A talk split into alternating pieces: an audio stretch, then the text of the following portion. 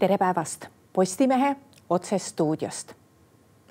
täna siis algaski õpetajate streik. meil on stuudios haridus- ja teadusminister Kristina Kallas, tere päevast. tere päevast.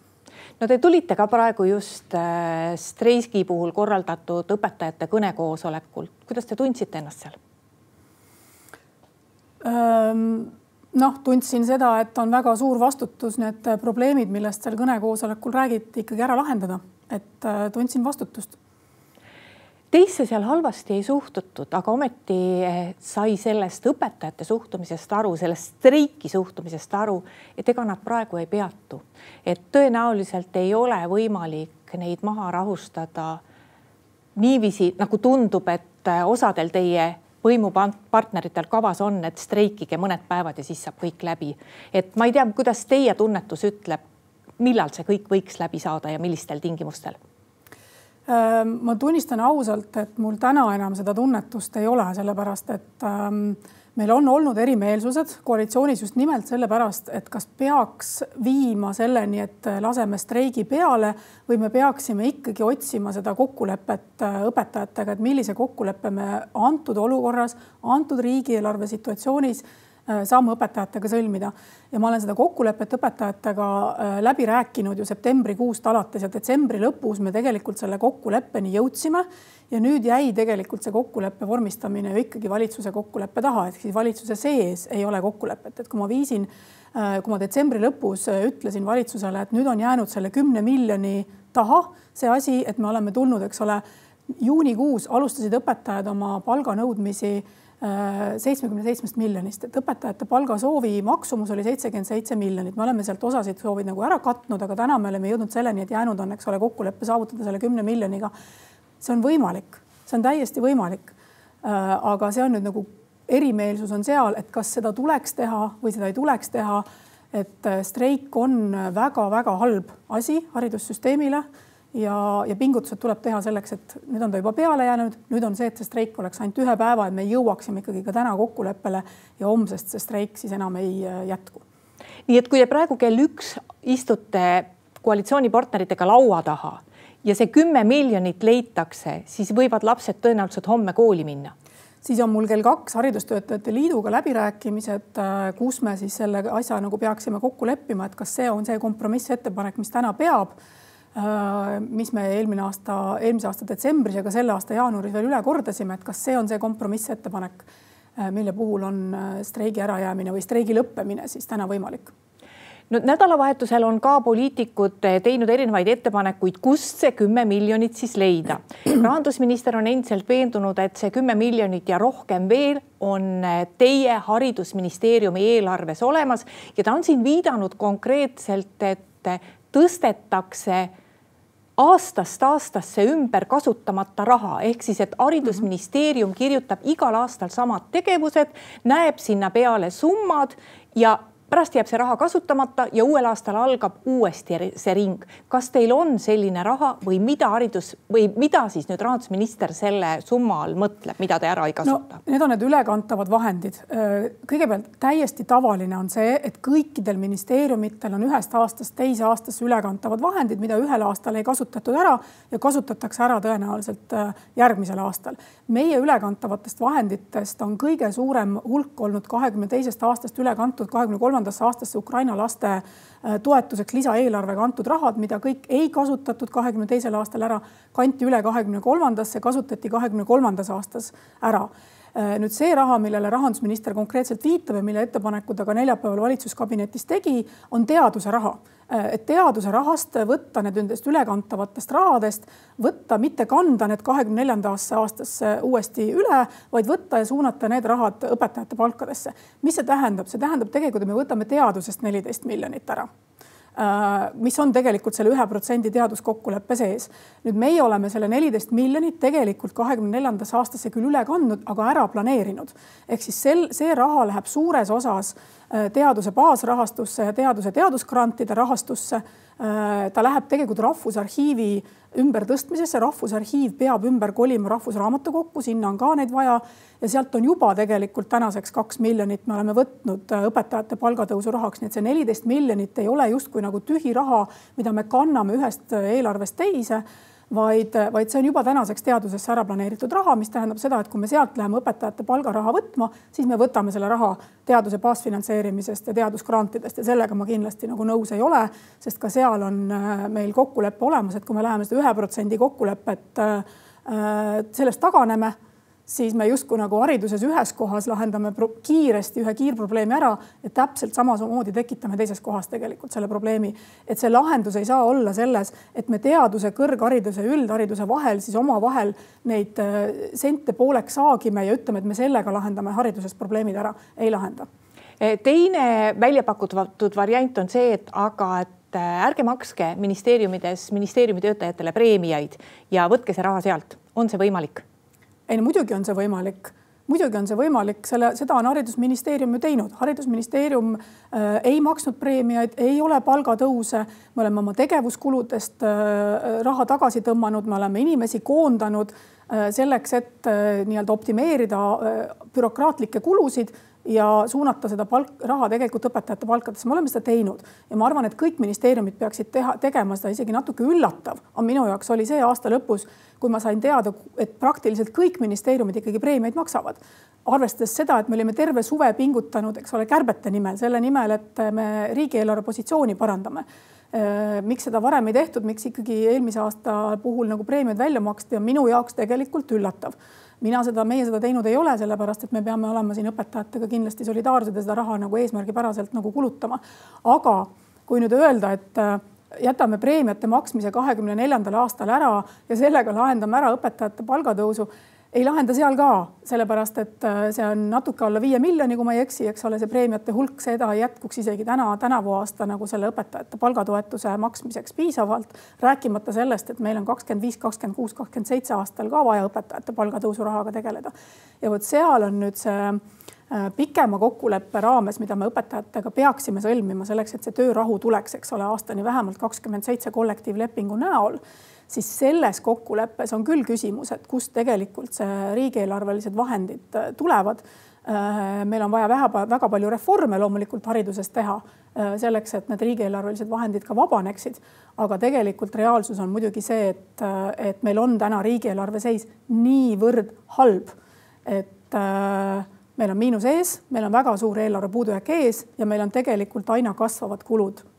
peal, nii et noh ka see on ühiskondlik debatt, mida ma loodan, et me õpetajate streigi valguses täna ikkagi nagu peame läbi. mitte, et me ütleme, et kogu aeg, et kus me kümne miljoni kaupa kokku kraabime, vaid kuidas me pikaajaliselt ikkagi tagame selle, et meil riigieelarves oleksid vahendid õpetajate palkade tõstmiseks, päästjate palkade, täna neid seal ei ole. Neid ei ole, need on lihtsalt nulliread ja meil on täna selline riigieelarve seis ja me peame sellega tegelema.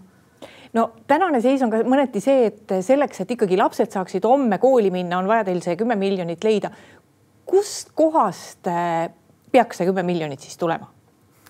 ei no eks ta tuleb riigieelarvest, ta tuleb riigieelarvelistest vahenditest, üks asi on seesama preemiate maksmise ärajätmine ehk siis kärbe nagu seal, teine on see, et meil on ka intressikulud tegelikult väiksemaks läinud, sest intressimaksed on, on odavnenud, et äh, ka seal tegelikult on tõenäoliselt see kokkuhoiukoht järgmisel, sellel aastal juba olemas. aga ma jõuan jälle ikkagi selle aga juurde, et äh, see, see kõik tundub inimestele, et okei okay,, leiame selle kümme miljonit ära ja sellega me lahendame äh, probleemi ära, teema maas, lähme kõik tagasi ja jätkame nii nagu, nagu senimaani on. me ei saa jätkata nii nagu senimaani on, sest täpselt see põhjus kümme aastat tagasi oli see, miks õpetajad streikisid, kümme aastat on möödas. tegelikult ei ole õpetajate töökoormuse probleeme lahendatud, õpetajate karjäärimudel ei ole välja töötatud ja ka kohalikud omavalitsused, kes tegelikult on õpetajate tööandjad, ei ole tegelikult nendes haridusreformides reformide protsessides ju mitte kuidagi nagu osalenud, et haridusministeerium võib ju teha ühte ja teistpidi oma eelarves liigutusi, aga reaalsed õpetajate palgamaksjad ja tööandjad on kohalikud omavalitsused. ja, ja see kollektiivleping, mida ma soovin juba pikemat aega, et me õpetajatega äh, sõlmiksime, milleks ma tegelikult soovin, et valitsusel oleks see tahe ka kollektiivlepingu jaoks nagu vahendeid leida. seal on vaja, et kohalikud omavalitsused tuleksid laua taha, sellepärast et ainult koos kohalike omavalitsustega on võimalik need haridusreformid ära teha ja tegelikult ka õpetajate tänased mured ja probleemid ära lahendada, seda ei ole võimalik teha Haridusministeeriumi ja EHL-i vahelises kokkuleppes. no kui panna ennast praegu õpetaja tasandile, siis äh, ma arvan, et keegi ei ole liiga õnnelik seetõttu, et äh, kogu see lugu läks sinnamaale välja, et õpetajad üldse pidid mm -hmm. streikima hakkama. ma ei usu, et need õpetajad, kes täna väga toredasti sealt Toompeal rääkisid, et see oleks nende esimene valik et nende esimene valik tõenäoliselt, kui nad oma päeva saaksid planeerida, on see, et nad räägivad koolis laste ees mm, -hmm. mitte Toompeale poliitikute ees. kui te vaatate neid igasuguseid eh, selle streigiga kaasnevaid poolt ja vastu sõnavõtte osad omavalitsused on siis nagu arvanud, et nad on streigi osalised ja on õpetajate poolt, teised on arvanud, et nad on eh, streigi osalised ja on õpetajate vastu, ei maksa neile palka.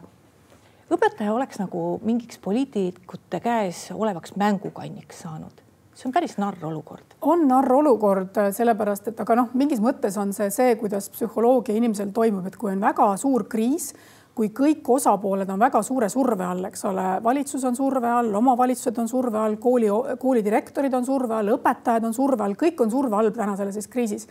siis hakatakse otsima süüdlasi, kes on süüdi selles, et on selline olukord tekkinud süüdlaste otsimine, noh, iseenesest on vaja nagu läbi rääkida see, et miks meil selline olukord on tekkinud, selleks, et lahendusi otsida. aga me peaksime praegu keskenduma nendele lahenduste otsimisele, et meil on vaja need lahendused lauale panna nii haridusreformide mõttes, ma täna koalitsiooninõukogus siis räägin ka koalitsioonipartneritele sellest, mis need, mis hariduse valdkonnas need reformid praegu käimas on.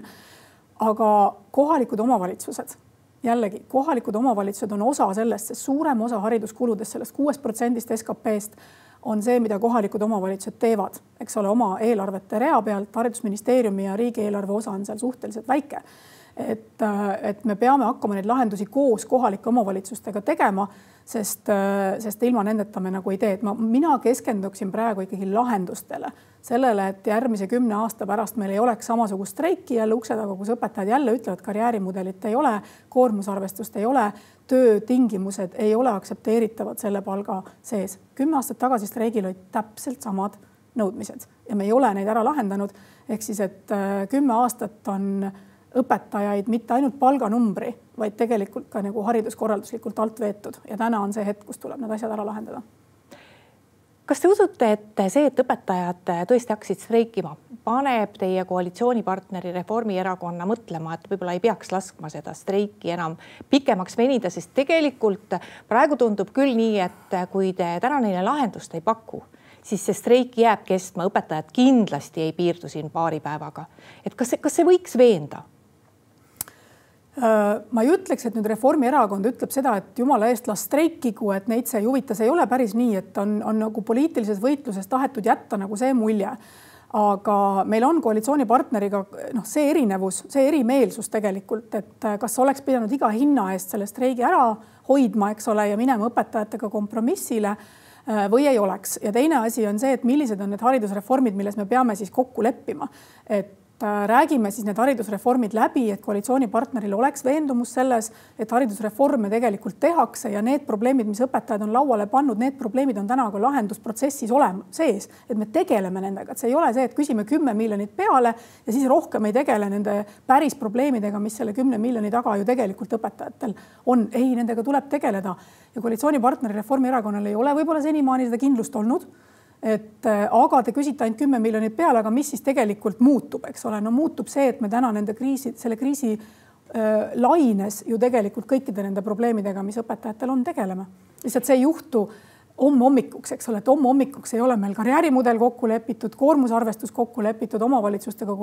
kollektiivleping kokku lepitud, et need on oluliselt pikemad protsessid kuidas te kujutate hariduselu edasi, kui eh, te ei, teil ei ole täna ühtegi positiivset sõnumit õpetajatele öelda, mis siis saab lähematel päevadel, mis saab lähematel nädalatel? millal lapsed siis kooli lähevad? Mm, ma siiski loodan, et me jõuame õpetajatega kompromissile ja me jõuame ka selle kompromissi kokkuleppele ka valitsuses. noh, ma ei kaota kunagi seda lootust, sellepärast et nii kaua, kui kui tööseisak äh, kestab, nii kaua on neid läbirääkimisi vaja pidada ja kohustus pidada ja lahendust otsida. keegi ei saa praegu lihtsalt öelda, et mitte, et me ei tegele selle asjaga, me peame tegelema, seadus kohustab meid ka tegelikult läbirääkimisi pidama nii et äh, mina ja Eesti kakssada ikkagi loodab, et me suudame koalitsioonis selle kompromissi äh, vastu võtta, mis õpetajad on täna meile või mis me õpetajatega oleme tegelikult kokku leppinud. et me oleme selle kompromissi kokku leppinud, et me suudame koalitsioonis selle vastu võtta ja siis me Äh, hakkame päriselt õpetajatega laua taga koos kohalike omavalitsustega läbi rääkima neid kollektiivlepingu tingimusi, mis on seotud koolivõrguga, karjäärimudeliga, koormusarvestusega, kõikide nende asjadega, mille pärast õpetajad tegelikult täna Toompea ees olid no tegelikult on teil koalitsioonis praegu niimoodi, et eh, nii teie kui eh, sotsid on seda meelt, et see probleem tuleb lahendada mm -hmm. ja et see tuleb lahendada siiski võimalikult kiiresti. Eh, Reformierakond üksi ei saaks ei öelda, ta ei saaks üksi olla tegelikult kõige vastu, kui, kui teie ja sotsid teda ei toetaks, et kui kaua teie kui sots, teie ja sotsid veel olete, noh, te saate oma erakonna eest rääkida selles koalitsioonis, eh, kus võib-olla ongi tekkinud olukord, et õpetajate streik jääbki kuudeks kestma ähm,? no tõepoolest, et kui see, kui see töötüli jääb nüüd äh, kuudeks kestma, siis ei ole tõenäoline see, et see koalitsioon sellise kokkuleppega saab kesta edasi, et et see töötüli halvab kogu Eesti haridussüsteemi ja omab väga-väga pikaajalist mõju ja Eesti kakssada siin kindlasti ei saa olla sellega nõus et me, et me nii-öelda poliitikutena ei võta vastutust sellises olukorras, et äh, me peame selle kompromissini jõudma, me peame õpetajatega selle kokkuleppe saavutama ja ma loodan, et täna on see päev, kus me selle saavutame no vot siin tänasel hommikusel kõnekoosolekul kõlas päris mitu korda see, et aga miks te siis lubasite mm, -hmm. et tegelikult ju Eestimaal inimesed saavad aru, et riik ei suuda kõike, aga nad ei saa aru sellest, et kui ei ole võimalik, miks te siis lubate, seda ütles, ütlesid nii teiste ametiühingute esindajad ja seda ütlesid ka õpetajate esindajad. et kui te kogu aeg niimoodi lubate, siis me ei saa ju uskuda teid ja no see surve valimiste ajal on alati erakondadele väga suur, eks ole, neid lubadusi sõnastada. Ja need lubadused on olnud äh, mitte ainult õpetajate palga osas, väga paljudes muudes asjades on olnud ebarealistlikud, ehk siis alati valits-, valitsema saades on selgunud, et neid ühtegi nendest lubadustest tegelikult täita ei ole nagu võimalik ja, ja see on viinud tegelikult sellise väga populistliku poliitikani, mis meil on, et äh, poliitikud lubavad konkreetseid pensioninumbreid, konkreetseid lastetoetuse numbreid, konkreetseid õpetajate palganumbreid, mida nad tegelikult, neil ei ole mitte mingisugust võimekust arvutada, kas need ka realistlikult on äh, teostatavad. et äh, ma arvan, et me oleme läinud siin viimase kümne aastaga nagu poliitikas ülipopulistlikuks, mille tõttu me oleme tegelikult täna selles eelarve seisus, kus me oleme et, et me peame nagu tunnistama poliitikutena, et see on nüüd oluline õppetund meile kõigile. et äh, kui me läheme valimiskampaanias äh, numbreid äh, lubama valijatele, siis meil on väga selge vastutus neid pärast ka täita. Ja see ei saa olla tagantjärgi targutus selles, aga me ju ei teadnud, noh, selles mõttes, et pead teadma. Et pead teadma. Ja ma arvan, et see on õppetund siin, see on väga korralik õppetund, et me ei saa Eestis enam äh, teha sellist populistlikku poliitikat, kus me lubame konkreetseid palganumbreid või konkreetseid pensioninumbreid, noh, me oleme ju siin lubanud ka keskmist pensioni konkreetsete numbritega või pensionitõuse konkreetsete numbritega, pole kunagi täidetud. mitte kunagi pole täidetud, ühtegi pensionitõusu numbrit pole kunagi tegelikult täidetud. et eh, see on poliitika, poliitilise kultuuri ja poliitilise, poliitika kvaliteedi küsimus tõesti kuidas te ise hindate, et kui see streik jääb nüüd kestma, et kui palju see võib, arvestades seda, kui palju toetajaid praegu õpetajatel on ja, ja vaadates, kui väike on selline las, lapsevanemate torin, et äh, keegi ei saa last või äh, lasteaeda või kooli saata, noh, mõned inimesed võib-olla tõesti torisevad, aga üleüldiselt inimesed mm. mõistavad seda ja see näitab, et ühiskond on õpetajate ja lasteaiakasvatajate selja taga. et äh, kui see praegu jääb kestma, kui suur kuidas te poliitikuna hindate, kui suur on variant, et äh, see streik äh, levib veel edasi, sest noh, täna tegid ka kultuuritöötajad seal väga äh, emotsionaalse sõnavõtu? Jah, no see, see, et ühiskond on täna õpetaja selja taga, näitab minu arust seda, et haridus on absoluutne prioriteet Eesti ühiskonnas, et, et lapsevanemad ja teised osapooled on valmis äh, nii-öelda äh, solidaarsusest ka kannatama nii-öelda oma elukvaliteedi või oma elukorralduse puhul selle nimel, et võidelda Eesti hariduse eest. et äh, minu arust on see väga terav ja tugev sõnum kõikidele, kogu ühiskonnale, et haridus on absoluutne prioriteet, see on väärtus, mille eest me oleme nõus, eks ole, seda tegema, et me ei lähe tööle või me ei suuda oma tööülesandeid täita või me paneme oma ettevõtte tegevuse praegu korraks nii-öelda madalamatel tuuridel käima selleks, et seista, eks ole, Eesti hariduse eest, see on absoluutne väärtus ja minu arust peaks see nüüd kajastuma siis ka selles, kuidas me poliitilistes otsustes seda haridust nii-öelda sõnastame, et mitte see, et me, et, et me nüüd läheme hariduse valdkonna sees, eks ole, kuskilt mujalt ära võtma selleks, et me saaksime selle haridusprobleemi ühes kohas ära lahendada, noh, ta tegelikult ei lahenda ja ma arvan, et järgmine kord on, on meil äh, streigivad ülikoolide õppejõud ja ülikoolide teadlased, eks ole, kui me teadusest läheme raha ära võtma, nii et noh, see on ju olnud sõnum. loomulikult kultuuritöötajad, politseinikud, päästjad täna vaatavad väga pingsalt et äh, milliseid lahendusi siin, äh, siin selle streigi puhul nagu rakendatakse. aga et me peame ühiskonnas ka teist debatti pidama sealsamas kõrval, et kui meie jaoks on haridus väärtus, kaitse on väärtus, kultuur on väärtus, need on kolm valdkonda, kus Eesti võrreldes kõikide teiste Euroopa riikidega oma SKP-st panustab kõige rohkem, eks siis me oleme seal top äh, kümnes, eks ole, või top viies isegi tegelikult nende kulude poolest siis me peame oma tulude poolest, riigieelarve tulude poolest olema ka väga sarnased järelikult nendele riikidele, kes väga palju kaitsesse, haridusse ja kultuuri panustavad, me täna ei ole. meie tulubaas on madal. meie riigieelarve tulubaas on madal ja see, see ongi see murekoht, kus me täna oleme, et peame siis ühiskonnas ka selle debati maha, et kas me oleme ka võr-, valmis nagu panustama tegelikult äh, haridusse äh, maksude näol või mingite muude tulude näol selleks, et me suudaksime seda haridust sellisel tasemel pidada